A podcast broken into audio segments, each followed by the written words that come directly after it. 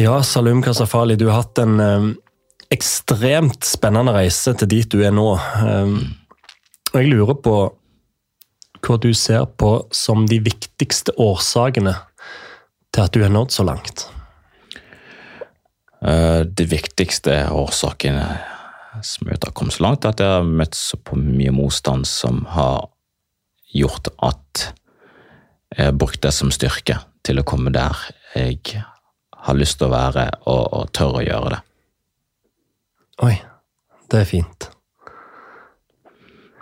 Hva er en vinner for deg? En vinner for meg eh, er en som tør eh, å gjøre det de ser for seg og vil, uten at de skal tenke på hva andre tenker eh, om det de ønsker å, å gjøre eller oppnå. Det, det, er en vinner for meg.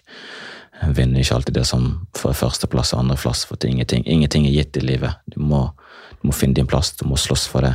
Uh, og, og, når jeg først har gjort det, så, så er du en vinner i min posisjon. Opplever du at mange setter den type begrensninger på seg sjøl? Uh, ja. Uh, bevisst og ubevisst. Mm. jeg tror mange vil komme et sted, har potensial til å komme ut et sted, men så gjør ikke de det ved at de tenker at det ikke kommer til å gå, at det er vanskelig, uh, uten å prøve det. Um, så det er bedre å angre på etterskudd enn på forskudd. Uh, og det verste en person kan si i hverdagen min, at det må være realistisk, realistisk. For det kan alltid bli bedre enn jeg tror. Uh, så, så, dermed så må folk slutte å være realistiske. Det er liksom det. Og dermed så setter man litt begrenset for seg sjøl. Og det beste er at det kan alltid bli bedre enn man tror. Ja, eller håpet på. Nydelig. Tusen hjertelig takk. Thank you.